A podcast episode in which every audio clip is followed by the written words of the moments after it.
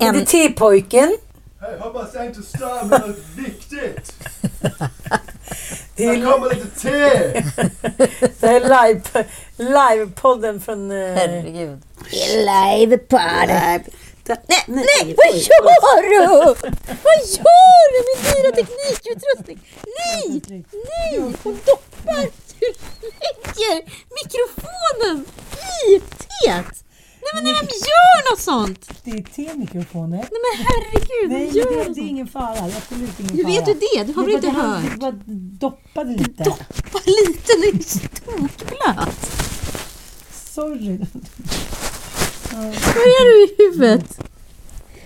Mm. Åh. Så, det indiska teet.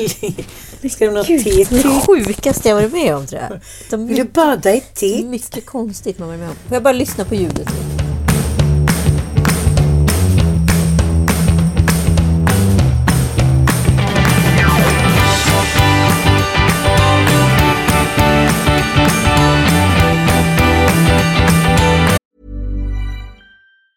Ryan Reynolds here from Mint Mobile. With the price of just about everything going up during inflation, we thought we'd bring our prices down. So to help us, we brought in a reverse auctioneer, which is apparently a thing. Mint Mobile unlimited premium wireless. Ready to get 30, 30, bit to get 30, bit to get 20, 20, 20, bit to get 20, 20, bit to get 15, 15, 15, 15 just 15 bucks a month. So, Give it a try at mintmobile.com slash switch. $45 upfront for three months plus taxes and fees. Promo rate for new customers for limited time. Unlimited more than 40 gigabytes per month. Slows. Full terms at mintmobile.com. Many of us have those stubborn pounds that seem impossible to lose, no matter how good we eat or how hard we work out. My solution is PlushCare. PlushCare is a leading telehealth provider with doctors who are there for you day and night to partner with you in your weight loss journey. They can prescribe FDA-approved weight loss medications like Wagovi and Zepbound for those who qualify. Plus, they accept most insurance plans. To get started, visit plushcare.com slash weight loss. That's plushcare.com slash weight loss.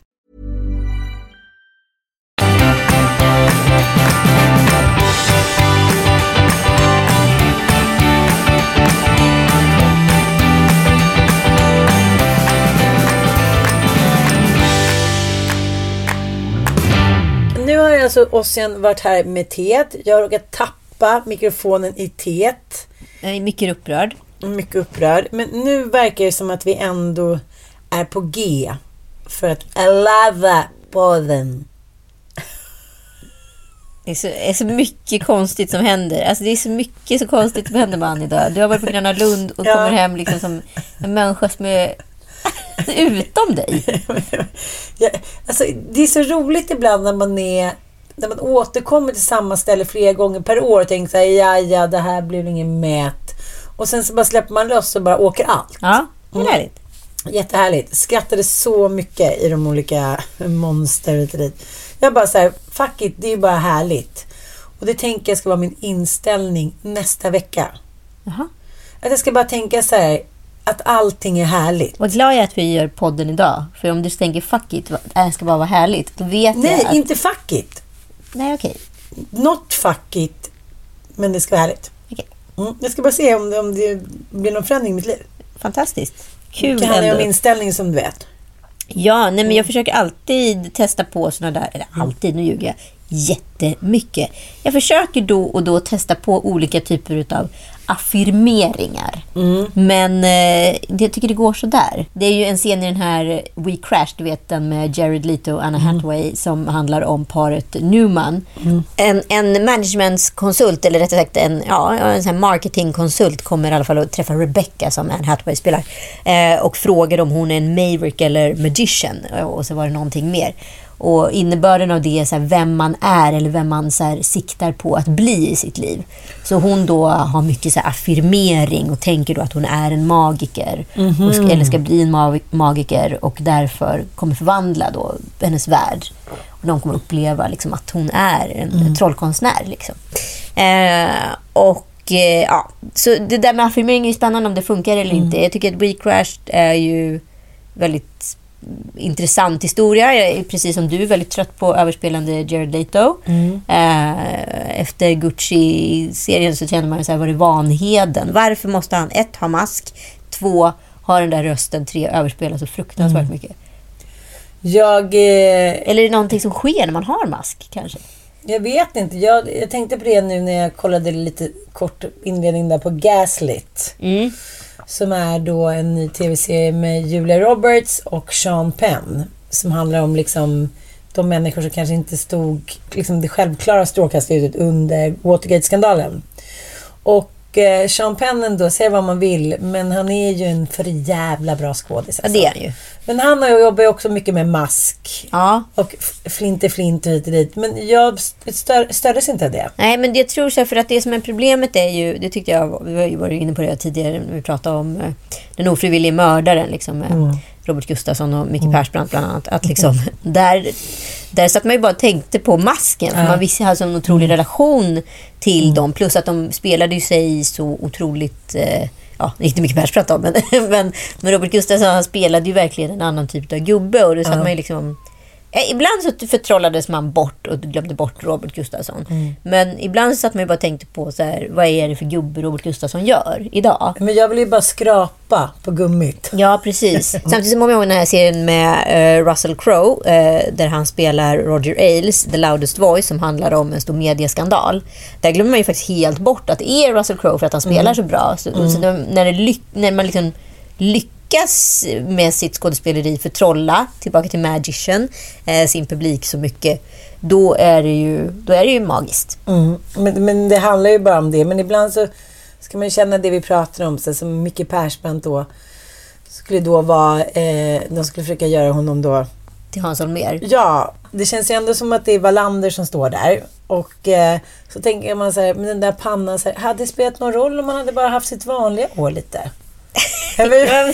Jag förstår det är de, svårt, det är ja, men svårt. det är svårt. De vill ju illustrera och göra det så autentiskt som Mm, möjligt. Men ibland säger jag så här, varför tog man inte bara en skådis som var liksom lite lik ja. egentligen? Eller var det det där namnet som var så viktigt som man tvungen Mm. göra om det så blev det liksom någonting mitt emellan. Ja, men det är lite med Robert Gustafsson. Så här, det är typ ingen i vår generation som någonsin har sett Alltså, huvudpersonen Stig Engström. Det är ingen som vet vem han Det kanske någon som kan googla. Så här, Stig Engström är en suddig bild utanför Skandia. Så här, hej hej. Så det hade inte gjort så mycket om han inte hade suttit sju timmar i sminket varje morgon och blivit liksom en svullen gummimask. Ja, jag har ju precis sett klart fantastiska The Dropout med Amanda Seyfried som spelar då den ökända, eh, ja, vad ska man säga? Bedrag, bedragerskan Elizabeth Holmes. Som är, kan man verkligen säga. Ja. Vad tvekar du om? Nej, men som då påstår sig kunna med hjälp av en droppe blod kunna utreda om du, om du har diagnos och sjukdomar och allting. Det visade sig att det bara var en bluff eh, och det hela liksom var bara ett påhitt från hennes sida. Men hon lyckades då med sin magi förtrolla världen och skapa sig ett imperium värt värderat till ja, 37 milja- miljarder kronor innan det året efter var värt noll kronor. Det är helt otroligt. Ja, det är ju som sagt bedragarnas år. Vi pratat om det tidigare i podden. Eh, den här serien kan man se på Disney+. Plus. Har du blivit pengabedragen en gång? Eller bedragen på det sättet? Men eh, då menar jag inte att mm, otrogen. Men har du blivit liksom lurad på någonting någon gång? Gud, nu måste jag tänka efter. Jag känner igen att jag har det. Jo, jag har blivit lurad av ett ex på pengar. Hur då? Eh, ett lån. Aha. Först ett lån utav mig. Eh, sen eh, ett delat kreditkort. Och sen så var det ett lån. Lånade han utav mina föräldrar. Jaha. Ja, Och ett, aldrig sett en skymt av de där gamla nej, 10 inte, inte. Det var rätt feta summor. Men, men hur, liksom, hur slutade det hela? Var det så här... Ah, har du sett Kräcken? Han bor i Himalaya nu och jobbar som typ Chopra-instruktör. Eller? Nej men alltså det var ju rätt slukt. Alltså, så här, eh, han hade betalningsanmärkningar så, och jag hade... Jag tjänar ju väldigt mycket mindre än vad han gjorde. Jag är mycket yngre än honom också. Så jag tog ut ett kreditkort i mitt namn och gjorde så extra kort med hans namn. Och det var ett sånt här Eurocard tror jag det heter. Så det var så unlimited, du vet. Jaha, smart. Mm, jättesmart. Eh, och eh, sen var han utomlands och jobbade rätt mycket. Så jag plötsligt ser att det är 370 000 som dragit från kortet. Och sen så har han eh, i samma veva också lånat 80 000 kronor av mina föräldrar. Eh, och lånat eh, ungefär 70 000 kronor av mig. Och sen träffade han en ny tjej och drog. Och där står vi. Och, ja, vad ska jag säga? Jag kan ju inte sitta och tillbaka, kräva tillbaka pengar från kortet. Det var ju mitt namn. Det var mitt kort. Man kan inte säga, du, you couldn't sue him typ. Nej, det fanns, alltså vad ska jag göra? Eller så här, vem skulle tro mig? Eller vad ska jag säga? Nej, men jag fattar. Ja, du fattar. fattar.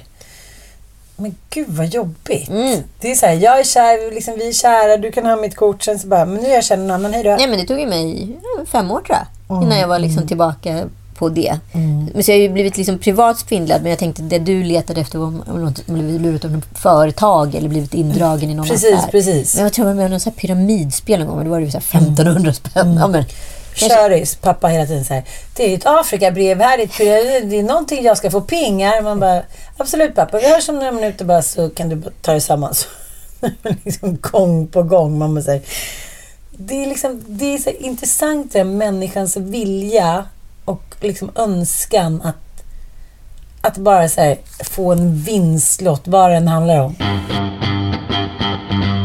Ibland funderar jag verkligen på om man behöver mask. För Amanda gör ju den här Elizabeth Holmes genom att bara förställa rösten och eh, kroppsspråket lite. Hon ändrar sin mun och liksom sättet hon pratar om byter, tar ett jämnt bett eh, istället för ett kanske ett naturligt överbett eller vad man nu har.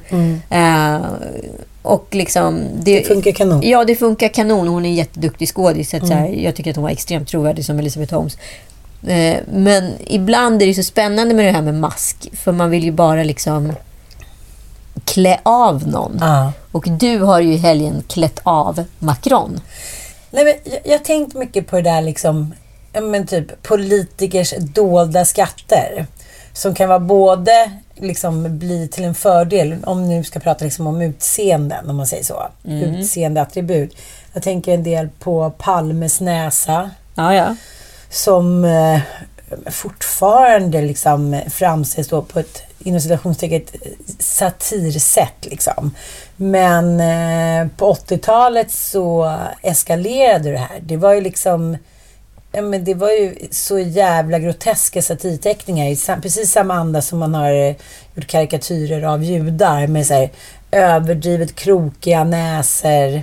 Ja, men jag tänker på Barbara Streisand också. Hon fyllde 80 idag. Så att, Va? Ja, så att... eh, Åh, och så- älskar henne! Don't tell me not to fly. I simply got to. If someone takes a spill, it's me and not you. Who told you you're allowed to rain on my parade? Hon har liksom porträtterats ja, men på samma sätt. Ja. Men, eh, men idag, och då har man ju liksom inte tänkt, för det har aldrig funnits en tid då politiker har varit attraktiva. Politiker har varit politiker. Det har varit liksom en annan skrå utav människa. Den snyggaste politiker som fanns förr i tiden, det var väl ändå John F Kennedy. Alltså han var ju liksom hybriden mellan rockstjärna och politiker och idag ser ju nästan alla politiker ut som rockstjärnor eller tvärtom. Eh, Men jag tycker också på Ingvar Carlsson till exempel, foten också Ja. kallad. Då var han alltid... Men, Ja, men kom ihåg att jag hade en sån här brosch med en fot på. Som var för sossarna. mm, jaha. Ja, jo, så de använder det själv som liksom en gimmick. Just det, just det. Lite småtecknad. Men jag tänker, det första tv-sända... Eh, Men det var ju helt apropå som var det tv-sända satirprogrammet. det. Liksom. Men- men- instiftade det. Ja, men, man tänkte ju inte heller liksom, i samma rasistiska tankegångar. Jag kommer ihåg eh, eh, en kompis pappa som jobbade på Expressen berättade om, apropå Palme, att så här, den dåvarande chefredaktören, jag vill inte nämna några namn, kom in och sa Vad i helvete, det är alldeles för liksom, eh, schysst vinklat mot Palme. Att så, här, sänk den där jäveln. Det liksom funnits mycket politiskt hat liksom. Ja. Och jag tänker nu också när eh, Ebba Busch har trampat lite i klaveret så jag tänkte så här, när Macron då, eh, här nu slutspurten av valet mellan eh, Macron och Le Pen så var det väldigt jämnt ett tag. Sen vann ju eh, Macron liksom ändå. Ja, det var ju inte så här 0,05 procent liksom, utan det var ju ändå en tydlig vinst liksom. Men det som jag tycker ändå var så fascinerande, för att eh, Macron är ju också väldigt hatad i Frankrike. Ja. Mer än någon president någonsin har varit i deras historiska mätningar. Liksom. Och då helt plötsligt mot slutet här i valspurten så sitter han på en bild. Han är befriad. Nej, han är sexig, han är het. Han har en vit dyr skjorta uppknäppt typ ja, men så att Travolta kippar efter andan. Alltså så här, ner ner till naveln. Ja. ja. Och den mattan Hallelujah sister. Den mattan. Nej men alltså han, hans skäggväxt, alltså så här, hans pubeshår går ihop med hans liksom maghår som går ihop med hans brösthår som går ihop med hans skägg. Det är liksom bara som går ihop med hans polisonger som går ihop med hans hår. Det är liksom bara det är ett ansikte som har karvats ut från massa hår. Nej men jag bara ser... Det var det värsta jag sett. Nej, det var, det var så här, jag bara, nej, Såg du men- att den var helt rundad uppe vid halsen jag trodde att det var en sat- satirteckning fast med liksom, så här, En kamel var ute och vandrade. Så här. Nej, men det var en sån densitet i den mattan Nej, att det skulle inte ens tätt. komma in liksom... Ja, inte ens en atom kom in. En urtidsman. Men det, var, men det var ju lite som att det var liksom en, en, en rolig film. Typ till exempel The Office, att någon så här har liksom klistrat på en matta. Så ska det vara 40 så year old virgin. Ja, att det är någon som ska precis. liksom så här, Ja. så här, när ska vaxpappret Ja, åka fram? precis. Liksom.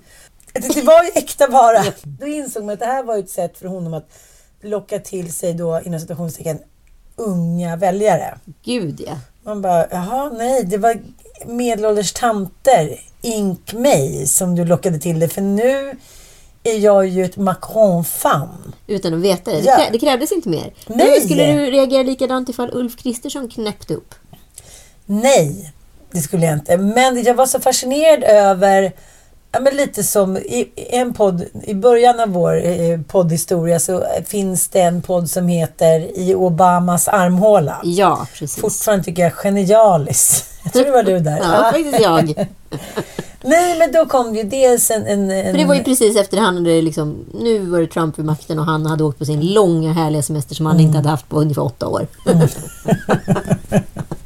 Och vi älskar honom så mycket. Och vi älskar honom så Ja. mycket. Där står han då glatt, och vi har faktiskt den som poddbild, det avsnittet. Mm. Eh, då står han då glatt på någon form av båt, en öppen båt med något form av segeltak. Han står då liksom och håller i någon form av stålvajer. På sig har han enbart en flytväst och så, man ser inte överkropp, man ser armhåla väl exponerad. Att se en sån typ av politikers armhåla, det är ju... Det, alltså det ger så mycket konstiga känslor i ens kropp. Det är både publikfriande och också här, nej, skyll dig. Du ska sitta i typ korrekt kostym i tv-sänd liksom, i tv-sänd debatt. Men det är ändå intressant. För det är det som är lite så här Zelensky har gjort med liksom sin t-shirt som har blivit legendarisk. Liksom. Att han har gjort det där valet som man kan göra precis som Macron har gjort eller precis som Obama gör efter. Ja. Förstår du vad jag menar? När, när, när striden är slut. Liksom. Att, att man så här avväpnar sig, man tar av sig kostymen. Det är ett statement med det på något sätt. Men att se en politiker på det sättet, det är, det är, jag har aldrig sett något mer naket. Nej, nej, jag håller med. Men de har ju ingen kropp. Nej. De är ju bara ett ansikte. Ja. Det är den enda relationen man har till en politiker. Kvinnliga politiker blir bedömda efter deras liksom, kroppar och kläder. Men liksom, manliga politiker är ju bara huvuden som fl- far runt. Men, men om om man ska jämföra då med dagens eh, politiker så kanske eh, ja, men föregångarna, kvinnliga politikerna kanske inte... Ja, men Karin Söder. Ja, och Birgitta Dahl. Ja, precis. Och hon ska ha skrivit sina memoarer hur hårt mobbad hon blev. Det blev hon ju. Dels för sin röst, dels för liksom sitt utseende. Hon hade ju den här lite... Föntjank... Ja, men, ja. lite liksom Mm. Vi kan lyssna lite på hennes röst. Jag fattar Så att det är lätt. Jag har knytningar till. Kalmar. Min mamma Men sen har kommer... hon, här, hon har alltid haft den här lite kortare Gustav Vasa image-frisyren också. Och foträta skor. Ja, och Ja. jag har svårt att se att en politiker på 80-talet skulle kunna se ut som Ebba Busch. Det skulle ju aldrig gå. nej, det tror jag hade blivit Det hade svårt. blivit liksom i den liksom sexifierade världen vi hade då. Eh, Lucy Dallas kom in typ i politiken. ja, det, men det skulle inte gå. Nej, det hade inte gått. Utan då fick man liksom spe, det var ju spelregler och det var ju det som hände när John F Kennedy kom in i den första tv-sända debatten där, kan det ha varit 63, 64, eh, tillsammans med Nixon. Sitter de i varsin eh, dansk designstol och eh, Nixon har precis varit sjuk. Så att han har liksom varit på sjukhus, på sjukhus några veckor, han har gått ner 10 kilo, han sitter och svettas under den här debatten. Han är liksom glåmig. Vilket gör då att Kennedy på något sätt kommer in där och säger the good looking guy. Och eh, det är klart att en del har med utseendet att göra men om man inte har någonting att komma med politiskt så är det såklart, ja men vadå ta Trump? Ja, Ja, men, solmästarens soldusch. Ja, men alltså Dr. Mikael ser ut som, Nej, men han har ju dödat, blekfis. han dödat solduschmarknaden tillsammans med Dr. Mikael. Nej, jag tänker också på Amanda Linds eh, rastaflätor. Ja. Det blev ju också otroligt stor fokus. Men jag kan också känna lite så här, nej vi vill inte se ert hår. Ha bara vanligt hår och liksom någon skjorta. Och, det, är någonting med politiker som inte så här, det är, det är stressande för att så Mm. här, eh, kategoriskt, hjärnan funkar ju så att vi vill ju stoppa människor i fack och kan vi inte stoppa människor i fack då blir vi oroliga. Ja. Och det är väl det som är liksom stressande då med en person som kanske Ebba Busch bland annat. eh, Att, att hon, hon ser liksom per se för bra ut för att vara en sån där Mm. knastertorr politiker. Jag tänker också på Tone Sekelius. Ja. Som jag tycker är ett väldigt tydligt exempel på att vi ändå i Sverige har blivit lite mer öppensinnade. För hon kom ju in som en så här stapplande, rodnande Bambi i första deltävling liksom, av Melodifestivalen. Och går därifrån som en så här Ja, men en schlagerdrottning. En schlagerdrottning. Och det kanske inte riktigt hade gått för svensken för, på 80-talet. Absolut inte. Nej, precis. Nej, så att det finns ju ändå liksom en reinvent-marknad idag som inte har funnits tidigare. Mm. Ja. Mm. Vi är mer förlåtande än vad vi tidigare varit. Och jag tror att det hänger jättemycket ihop med pandemin. Att vi så måste omdefiniera. Att, liksom, jag har en föreläsning som jag åker runt och med. Liksom, då är det en punkt i den föreläsningen som just pratar om det med flexibilitet och elasticitet. Att det är liksom framtidens eh, sätt att lyckas. Är man inte flexibel då kommer man också misslyckas. Så är man liksom fast cementerad i idéer och bilder så kommer inte det heller att funka. Nej, nej. Nej, men jag håller med dig. Jag fattar ju att Christer Lindarw och After Dark, de var ju dragshows liksom. Ja. Eh, och drags. Men jag tänker om de hade kommit ut idag liksom. För då var det ju också att, då, var, då gjorde de ju två personlighetstyper mot varandra. Först var Christer Lindarw som fick vara kvinnlig och tjej och gömma Snoppedoni och vara Silvia hit och dit. Och sen så stod i polemik till det stod ju Lasse Flinkman. Flinkman som var så här. Ja men det kunde ju lika gärna varit så här Berra på Sandavägen 12 som bara såhär, för fan grabbar ska vi inte överraska Kekka på 15-årsfesten och så klär jag bara ut mig, jag bara tar skägget, sätter på mig Gunillas klänning. Och sen liksom, liksom gå ut och sen var det lite dragshow. Så att, för de män som ser det som ett hot då att så här, ja Det var ju ingen som såg det som ett hot. Alltså min, jag hade det där är min roligaste och konstigaste bråk med min pappa någonsin. För han var helt besatt av After Dark och Army of Lovers. Men var rätt gayfobisk. Och när jag då berättar för honom att eh, Christer Lindar och liksom, nästan alla i Army of Lovers är homosexuella. Han blev så arg på mig. För att jag for med denna osanning. Det här var ju bara människor som tyckte om att spöka ut sig. Det var inga bögar inte. Inte skulle väl min pappa gå runt och gilla bögar. Aha. Jag pratade med Christer om det här. Och han var så här, nej det är så sjukt. Vi, liksom, vi var aldrig utsatta för någonting. För det var ingen som fattade att vi var gays. Det var liksom vattentäta skott. Det var snubbar som tyckte att det var kul att och liksom klä ut sig lite och showa. Ja, jag var inte med med det. Det är ett otroligt starkt hot för den svenska mannen med, med homosexuella män. Ja, så att det, de, så här, vi behövde ju inte ens komma ut för att det var ingen som ens såg kopplingen. Alltså, det, var, det var, fanns ingen motsättning. Men Intressant jag menar ändå. idag så kanske de, eh, ja, eller någon av dem, hade varit såklart hade kommit ut mycket tydligare.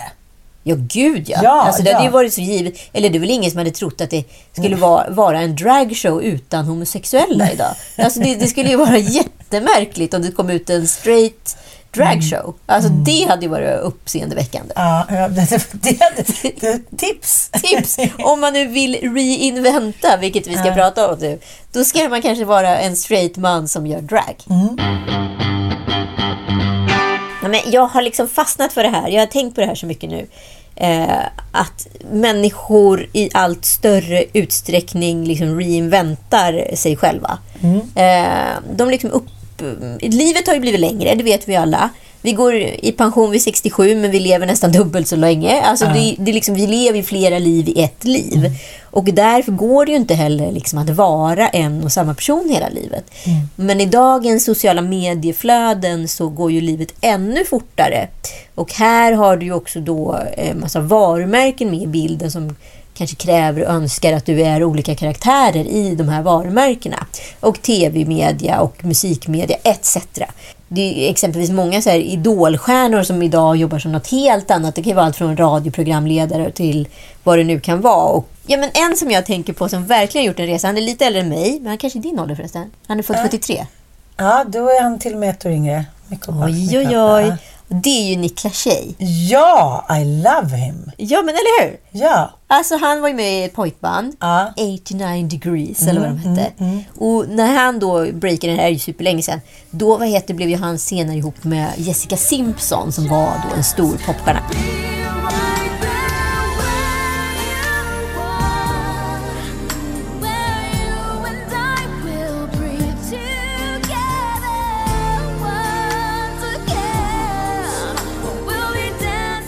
Sen hade väl de en reality show tillsammans? Precis, Ja. Newlyweds Precis. 2003. Du, där är otro- Va? Ja, jag vet. Nej, Jo. jag trodde du menade 2013. Nej, 2003. Nej, där de då eh, stiftade... Ja, Jessica kanske inte gjorde, gjorde liksom det mest... Ja, ska vi säga smarta intrycket? Hon Nej, trodde nej. ju alltså att eh, tonfisk var kyck, en kycklingsort. Is this chicken what I have or is this fish? I know it's tuna, but it, it says chicken by the sea. Chicken of the sea blev det ju liksom ett myntat begrepp sen. Aha, okej, Tuna, okej, okej. chicken of the sea. För hon trodde alltså att tonfisk var kyckling. Precis. Ja. Som eh, kanske sju av tio amerikaner. Så att, eh, Det är inte lätt när man får det på burk. nej, men det är väldigt intressant när de gör så här... Men, vad ska man säga? Kunskapsundersökningar i USA. Det är horribelt. De lever i sin lilla värld och det, det behöver inte vara så mycket mer. Nej, och nu är ju han då programledare för eh, Love is blind. Du vet den otroliga stora liksom, dejtingsåpan på Netflix. Det som han då har tillsammans med sin eh, fru Vanessa Milano. Ja, nu menar jag Vanessa LeChey. Jag, jag tittar faktiskt ganska ofta på, på honom. Ja, du tycker han är härlig att titta på? Det är någonting med honom. Det är en kära-kär. Och jag tycker också att han är väldigt fin med att skriva sig små gulliga grejer till sina barn. Ja. Och kan, man kan också så här, liksom rannsaka sig själv att säga ja, jag kanske inte alltid har varit den bästa pappan eller mannen så här, but I'm working hard typ så här. Ja. Men lite working Ja, men det är någon som har gått liksom i terapi mycket. De har ju mycket så här couple counseling Ja, grejer och de är oftast med som ja, men typ ett motsvarande. Ja, men du vet, när man läser ett reportage i tidningen Mama om ett så här par. Mm. De gör ju det här hela tiden fast i rörligt format och liksom ska. Britta och Kalle Zackari. Exakt! Ja! Exakt! Lite Mm. så här, ni, vi, vi är både förebilder samtidigt vi lär oss själva på vägen. Precis. Underbart. Skulle gärna vara ett av de paren. Eller hur? Du och Mattias är ju perfekta. Ja. Ni är klippt och skurna för det. Ni tjafsar ingenting. Call us, call us. Many of us have those stubborn pounds that seem impossible to lose, no matter how good we eat or how hard we work out. My solution is PlushCare. PlushCare is a leading telehealth provider with doctors who are there for you day and night to partner with you in your weight loss journey. They can prescribe FDA-approved weight loss medications like Wagovi and Zepbound for those who qualify. Plus, they accept most insurance plans. To get started, visit plushcare.com slash weight loss. That's plushcare.com slash weight loss. Hey, it's Paige DeSorbo from Giggly Squad. High quality fashion without the price tag. Say hello to Quince. I'm snagging high-end essentials like cozy cashmere sweaters, sleek leather jackets, fine jewelry, and so much more. With Quince being 50 to 80% less than similar brands. And they partner with factories that prioritize safe, ethical, and responsible manufacturing. I love that. Luxury quality within reach. Go to quince.com slash style to get free shipping and 365 day returns on your next order. Quince.com slash style. Ja, men mellan liksom jag menar, och eh, tv-inspelningar så går de ju omkring som de är två cowboys i stan liksom. Ja. Ja. Eh, han, han kör ju fullt ut. Men det är cowboyboots och det är liksom... Det är hela, det är hela kostymen. Precis. Ja. Ja. utan och det verkar inte Det- ändras. Man är inte ett dugg nyfiken på hur hans armhåla ser ut, för det vet vi. Ja. Vi har ju sett honom mest i bara överkropp. Ja, precis. Till skillnad Vi från vet liksom- att det både hänger och slänger både här och där. Exakt. Ja. Ja. men det är ingen liksom mask- maskavtagning som krävs. Nej, det är ingen dechiffrering att säga undra vad det där är för typ av person. what you see is what you get. Ja, men så tänker jag också på så här, ja, men som Elsa Billgren som började någon form av ja, men kändisdotter då, till konstnären eh, Ernst Billgren och var liksom lite, dök upp i olika lekprogram och var väl liksom ja, men rätt eh, förvirrad i sitt kändisskap eller stod för allt och inget passade i alla sammanhang och inga sammanhang på ett sätt. Och idag har liksom gått från det till att bli någon så här vintage-expert. Mm, och eh, då hade någon brud, brudklänningsshop som var helt otrolig och sen blev liksom lite mer lifestyle och slagit ihop sig med eh, Sofia Wood och nu är någon form av kändiskock eh, och influencer och gör det här jätte, jättebra. Verkligen. Och jag säger så här, jag tycker det är så jävla coolt när människor så här reinventar, precis som Tone också som liksom gick från liksom, transsexuell eh, man till liksom schlagerqueen. Alltså det är ju det är en otrolig resa på väldigt kort tid. Det är väl det vi ser, att så här, de här resorna som Niklas Tjej då har gjort under väldigt många år, från 2000, ja, 2000 och framåt. Det är ju liksom nästan 22 år. Det har liksom Tone gjort på väldigt kort tid. Så jag säger så här, det är så jävla häftigt att det funkar. Men sen finns det några som det inte alls funkar för. Vilka kan inte reinventa dem själva? Det tänkte jag att vi skulle spåna om nu. Men jag tycker det är ganska intressant för vi satt i bilen häromdagen, jag, Frans och Bobo och eh, Bobos polare August. Och så skulle vi prata, så vad vill ni bli när ni blir stora och sådär. Och då var de otroligt bestämda med alla tre att man hinner bara med tre olika karriärer. Jaha. Och jag tänkte så här, är, är det här nu, har det varit någon talare? Obamas armhåla varit på Åstenskolan. Nej, det var bara så, man, man hinner, de, de kunde inte bestämma sig, så, så, sa de någon mer grejer de ville vara så här, men vadå, det kommer ni också hinna med, ni är ju ganska små liksom, fem och sju. Nej, det var tre liksom. Okej. Och det kanske ligger någonting i det. Ja, men vadå, vad tänker du på då? Nej men man vet ju inte. Jag tar sån som Ernst Kirchsteiger till exempel. Mm. Ha, tycker du, nu är han lite på en paus, man har inte veta varför. Men när han kommer till, om, han, om han kommer tillbaka från sin paus från TV, då måste han ju nästan reinventa sig själv. Ja, gud. Jag menar, jag, jag på Skulle du ett, säga att han är en som har gjort det? ja, men på ett sätt så har han... han- Å andra sidan så har han gjort en... Om vi säger så här, Maria Montazami då, som är en Hollywoodfru, som släpper liksom vin och inredning. Det är inom hennes skrå utav Ja, reinventing. fattar. Men där, och det är ju där Ernst Kirchsteiger också är och nosar. Han, han släpper såklart en väldigt framgångsrik eh, ja, liksom inrednings, detaljinredningskollektion som heter Ernst. Eh, och sen så har han väl han också haft något litet vin, har han inte det? Någon glögg Jo. eller något sånt där. Eh, och, och det är ju liksom helt i hans, i hans liksom zon. Det är inte en konstig produktutveckling utav sig själv. Däremot så skulle han helt plötsligt komma på att börja jaga pedofiler. Ja. Det hade blivit jättekonstigt. Men då har jag en liten minikina-analys. Ja. Men jag tänker... men jag tänker allt för så här... Pedofiljägare Ernst. Jag kan inte släppa det. vi, vi bjuder på den. Tillsammans med Thomas Brolins vakuumstycken för dammsugare. Nej, men det, jag menar så här, Ja, det var ju en otrolig, det är en otrolig reinventing. Från. Otrolig. Från inte så här, lite halvöverviktig, trött fotbollsspelare till så här, mångmiljonär. På dammsugarmunstycken. Det är genialiskt. Det är en inte. helt otrolig reinvent. Ja, det är det faktiskt. Ja. Och kan man även liksom trycka in Måns Zelmerlöw som nu typ har gått ihop, de har gått Ja. ihop paddel, PDHL och PDHI. Ja, han är ekonomiskt oberoende Ja. nu för tiden. Det borde vi ha gjort. Ja. Hur som helst, men det jag tänker med så här, en liten minikin-analys som jag ville komma in på är med Patrik Sjöberg. Han har ändå försökt reinventa sig Det är med strippoddar och det hit och dit. Och sen så är plötsligt så är han pedofilerjägare. Ja men till exempel. Och han är ju stenhård. Ja! Men han alltså, är ju inte rädd för någonting. Nej. Nej han är inte rädd för Men också säga med Jan. Emanuel då, vi är inne på liksom den, den falangen man. Som liksom har gått från då eh, Rob, kri, kristen Robinson-vinnare till sossepolitiker till blivit mångmiljonär på liksom flyktingförläggningar. Mm. Och sen är någon form av stekar hobby-SD-are. Mm, ja, verkligen stekar HBSD.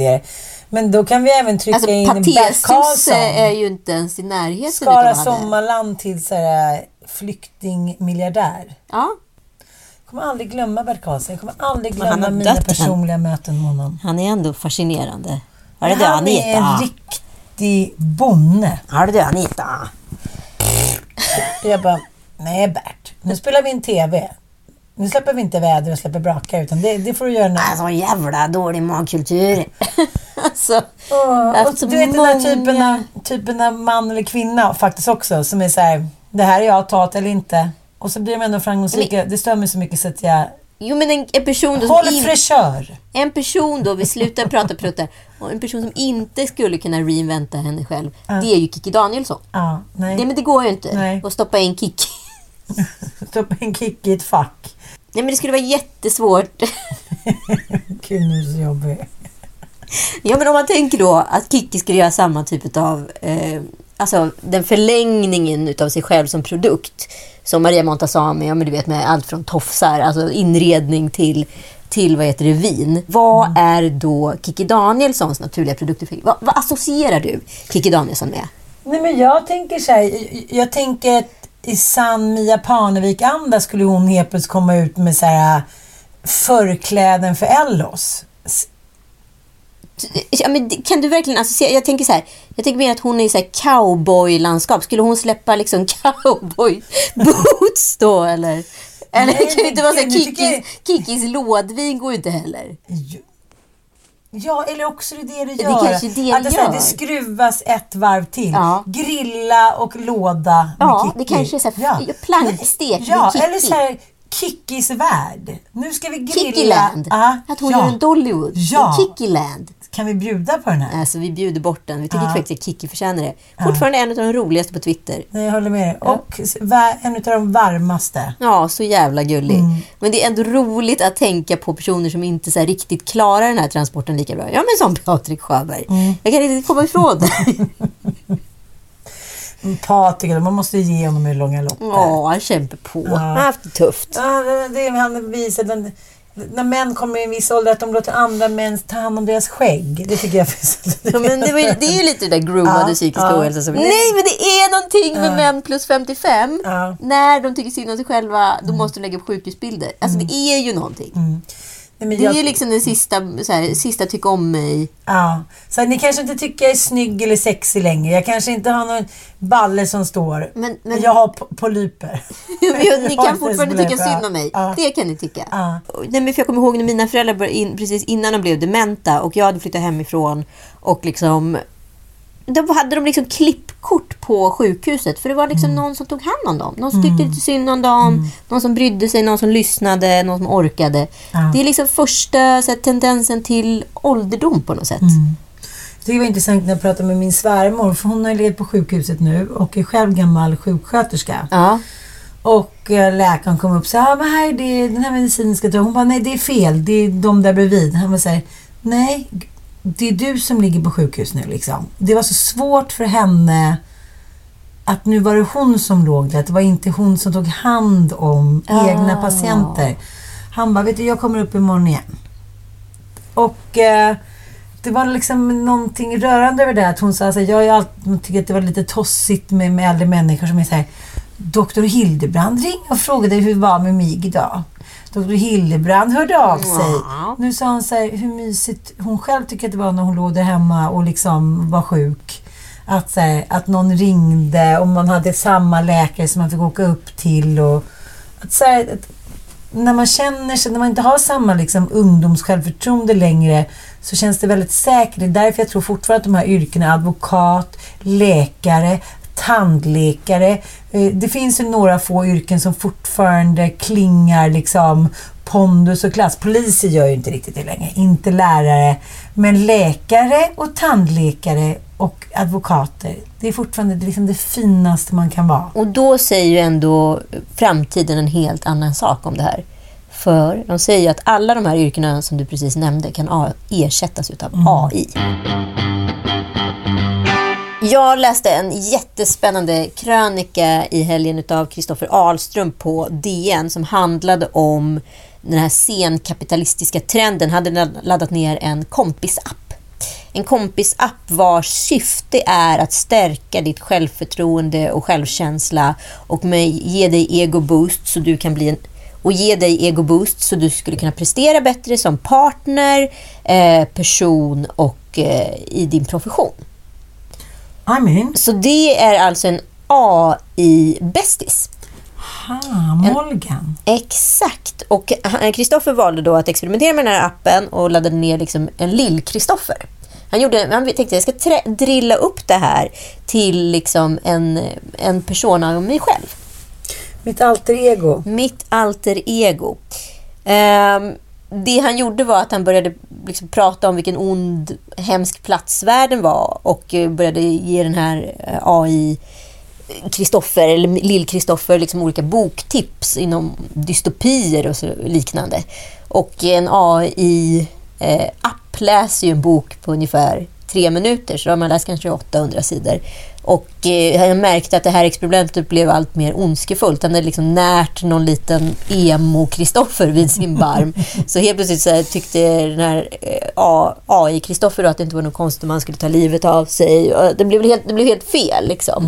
Och han förstod att det här blir inte allt som, allt som det hade tänkt sig. Samtidigt var han rätt tyckte att det var rätt mjuggigt med de här eh, heja-kommentarerna och jag tror på dig-personen. Utav Liksom. emo Kristoffer. Innan Lill-Kristoffer blev emo-Kristoffer så var han ju otroligt liksom, mycket mer som en så här heja-klacksledare. Du vet lite som de här bilderna man har sett från Nordkorea när de så här, kör hockey och det står liksom identiskt klädda kvinnor på läktaren och sjunger så här, och sen är det liksom ja, men, Gremlins på speed typ. Ja, men, det är ju liksom otroligt det. Jag, jag, får ju själv panik på alla så här träningsappar och sånt där som är så här Heja! Bra kämpat! Jag bara säger fuck you, känner jag. jag. Fuck you! Du vet väl ingenting om mig. Jag tyckte att det var ett riktigt jävla skitlopp. du ska inte komma här och berätta för mig att jag kämpar Du bra. var jättebra. Nej, jag bröt efter två kilometer.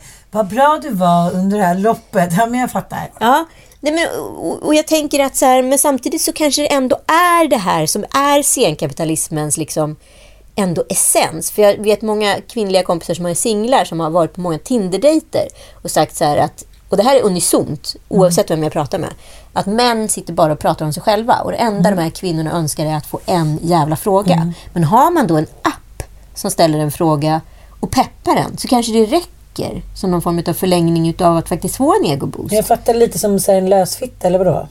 Ja, jag tänker att det här är någon form av ny slags bekräftelseprostitution. I Japan, skriver tidskriften Filter om, så kan man alltså hyra in en, en nära släkting.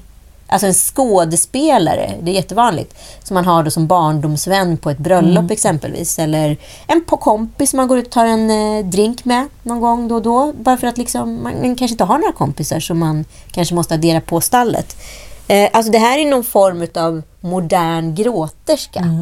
Och jag tänker att det finns massa spännande i den här bekräftelse... Jag fattar. Men, men det finns också Businessen, för det är ju det det hel- Ja, men det finns också en, en hel del tragik. Jag har haft lite så här, ja, men drabbningar med lite kompisar som tycker så här, ja men så träffar du våra kompisar, sen så helt plötsligt så är det du som är bjuden på deras fester och inte vi. Mm. Man är såhär, vadå, alla kan väl alla vara tillsammans och spela roll, så gud vad löjlig du är. Och, och så liksom var jag tvungen att rannsaka mig själv några gånger. Att det är just det, men när man, liksom, man blir bjuden på några så här 50-årsfest, 40-årsfest, tänker man sig, men jag vet inte vem, vem den här personen är. Nej, men och då är du en kändis. Men det är ju en bekräftelse för den att du har en kändis där. Precis, och då tänker jag så här, men Du gud, blir den bekräftade, alltså, jag Hur många är det har bjudit på din 40-årsfest? Det är 30 personer och jag är en av dem och jag kommer inte ens ihåg när vi träffades. Och då blir man väl lite då den inhyrda släktingen. Ja men precis. Jag var en kompis som var på en väldigt lyxig fest för ett tag sedan. Och det är en person som den känt rätt kort och, och var så här, gud det känns som jag har lajvat statist här. Den här personen hade då bjud- bjudit in min kompis för den var känd. Liksom. Och det, Ja. det blir ju liksom så här, den känner sig som underhållningen. Alltså det förväntas väldigt mycket utav den här personen. Liksom. Men jag, men jag tror att det är också så, kanske en annan kompis som var någon tillställning som var så här, men varför var jag en av dem som blev bjuden på det? Då kände hon så här, okej men då kanske jag ska hjälpa till lite här nu då. Sätta på lite musiken, fixa, att man är så här, man vill själv kompensera för att man tycker inte att man har där att göra.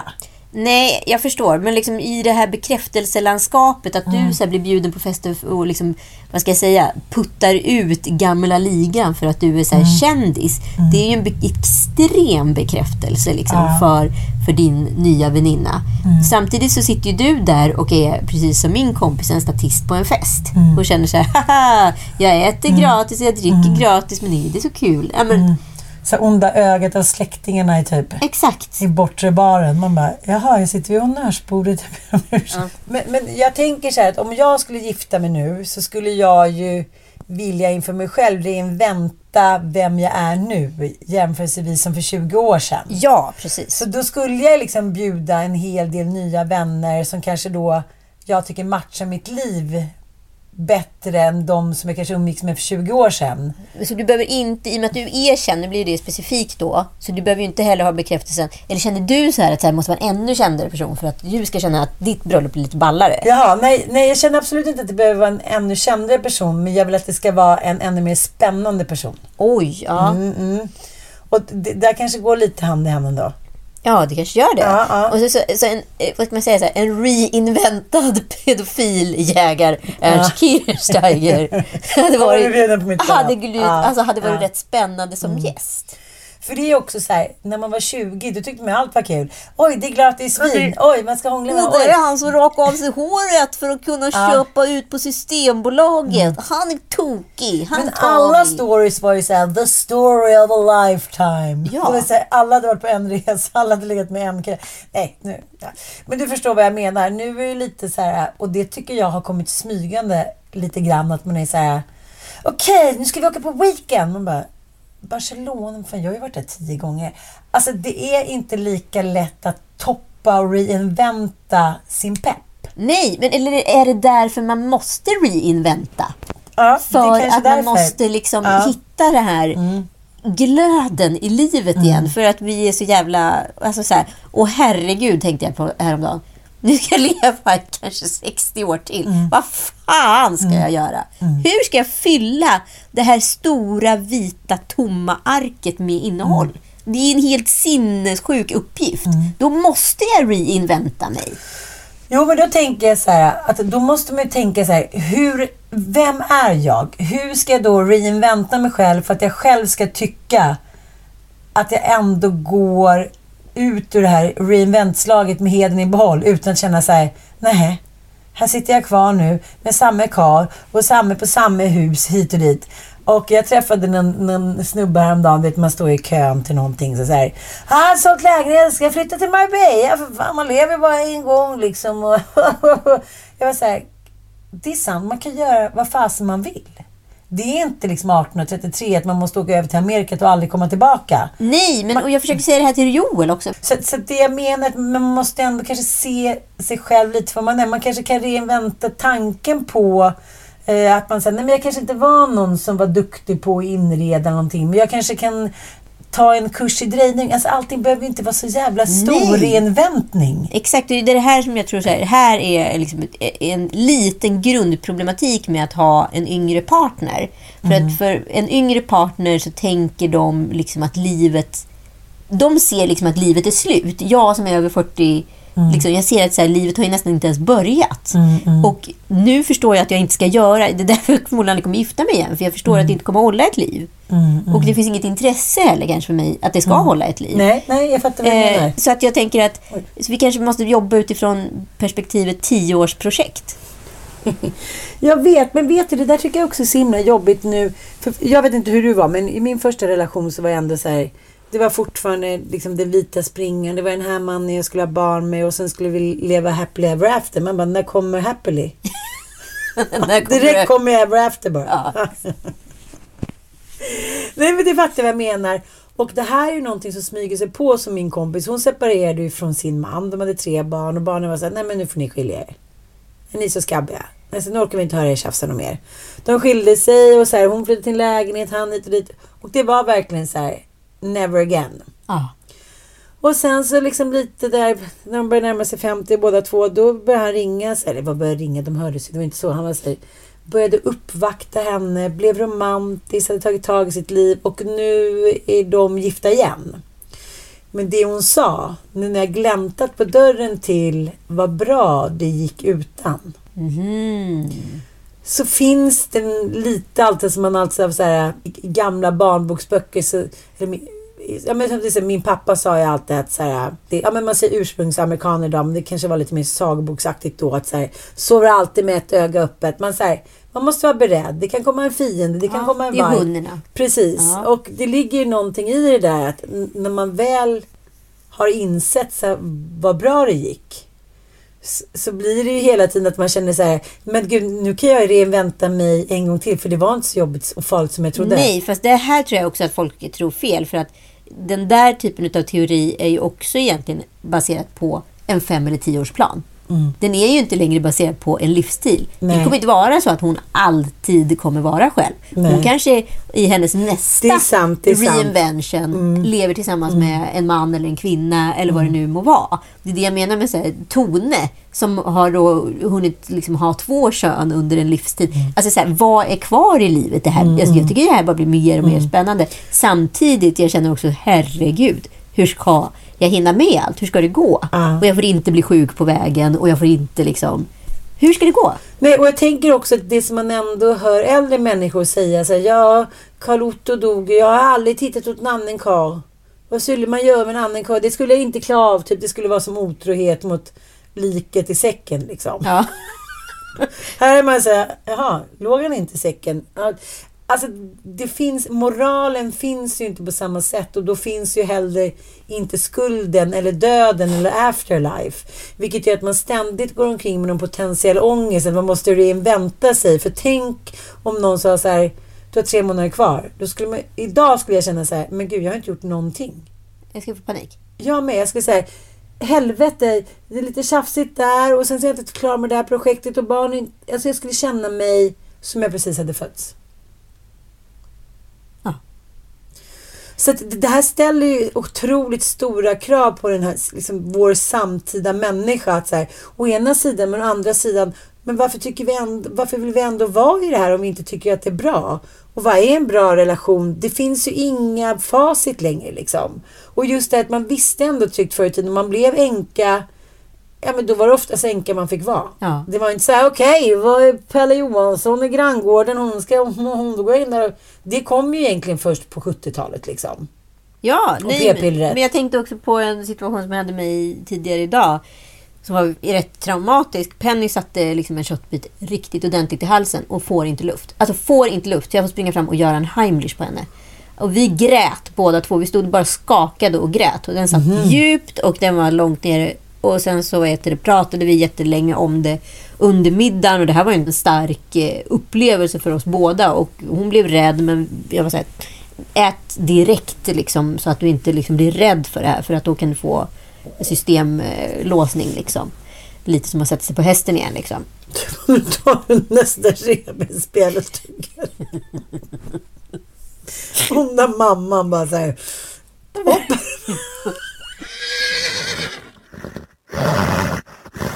Ja, ja, men det kanske är bra. Nej, men sen en halvtimme senare så stod vi och tjafsade om någon läxa eller någonting. Hon bara så här, och så kommenterade hon bara så här.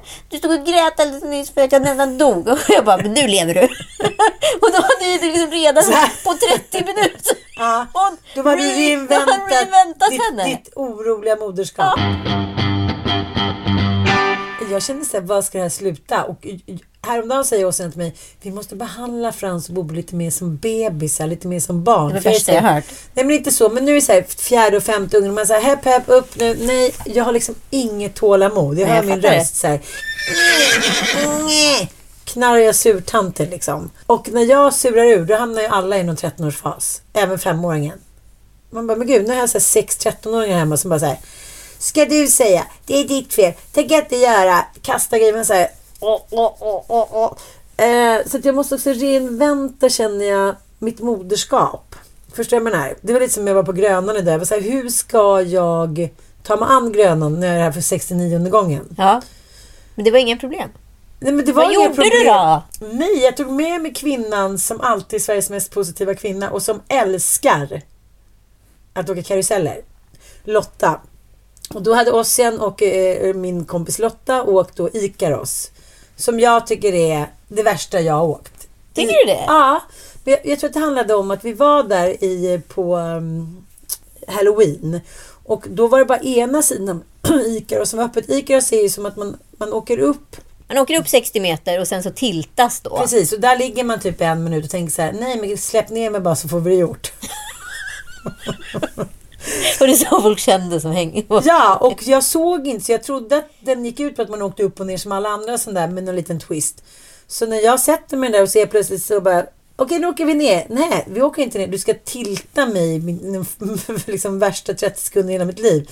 Så jag får en panik och så börjar slå Dante som sitter bredvid mig. Han säger, vad håller du på med morsan? Liksom, vad håller du på med? Men då, då, då sa eh, Ossian till Lotta, nu fattar jag. Det här är din grej. Det är inte alkohol. Det är inte ciggisar. Det är inte konstigt sex. Du är galen i, ga, du är galen i åkattraktioner. Det är din grej. Mm. Så då hakar jag på henne så det blir så här, kom igen! Då gick du in och reinventade dig själv till Lotta. Precis, då Du- blir hon och jag ett team. Jag tog över hennes känsla för tivoli. Så man kan alltså reinventa känslor för att få ett bättre liv. Precis. Så vi tror vi då att en välprogrammerad Mm. AI-robot i framtiden kan vara ens bästa vän? Nej. Nej.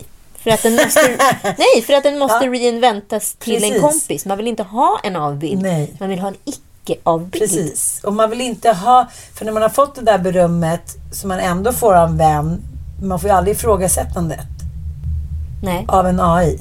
Det är helt omöjligt. Mm. Och du vet ju själv hur de relationerna har varit med snubbar som bara säger Du är det snyggaste, vet du det vackraste, vet jag älskar dig överallt. Att Man bara säger, vi träffades ju i McDonalds-kön precis. Gör en annan high-five med mig. Men missa. Missa. Världens minsta down. Eh, Fick du det sagt också? Skata. nej, det kommer aldrig gå. Men det finns ändå någonting i det där att man kan haka på en känsla hos sig själv. Och då när jag satt där med det så tänkte jag så här, fuck it. Jag älskar ju att åka monster. Det är ju inte ett dugg läskigt. Och då bara, "Woho!" upp med armarna, skrattade. Och det var som att det var första gången jag var på tivoli. Underbart. Och med de varma orden avslutar vi den här podden. Ska vi se om Ann Söderlund kan hålla käften och inte säga det sista ordet. Det är så ont i mina öron när jag ska vara tyst. Hej då, tack för att ni Tack för att ni lyssnade. lyssnade. Hörde du?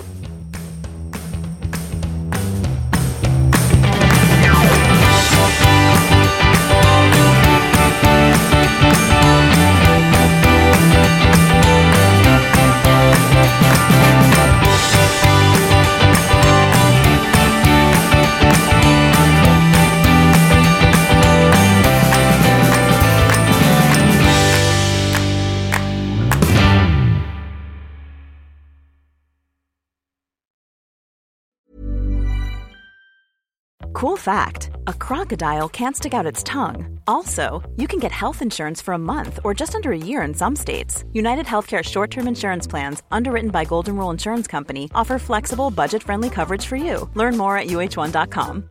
Imagine the softest sheets you've ever felt. Now imagine them getting even softer over time. That's what you'll feel with Bowl and Branch's organic cotton sheets. In a recent customer survey, 96% replied that Bowl and Branch sheets get softer with every wash. Start getting your best night's sleep in these sheets that get softer and softer for years to come. Try their sheets with a 30-night guarantee. Plus, get 15% off your first order at bowlandbranch.com. Code BUTTERY. Exclusions apply. See site for details.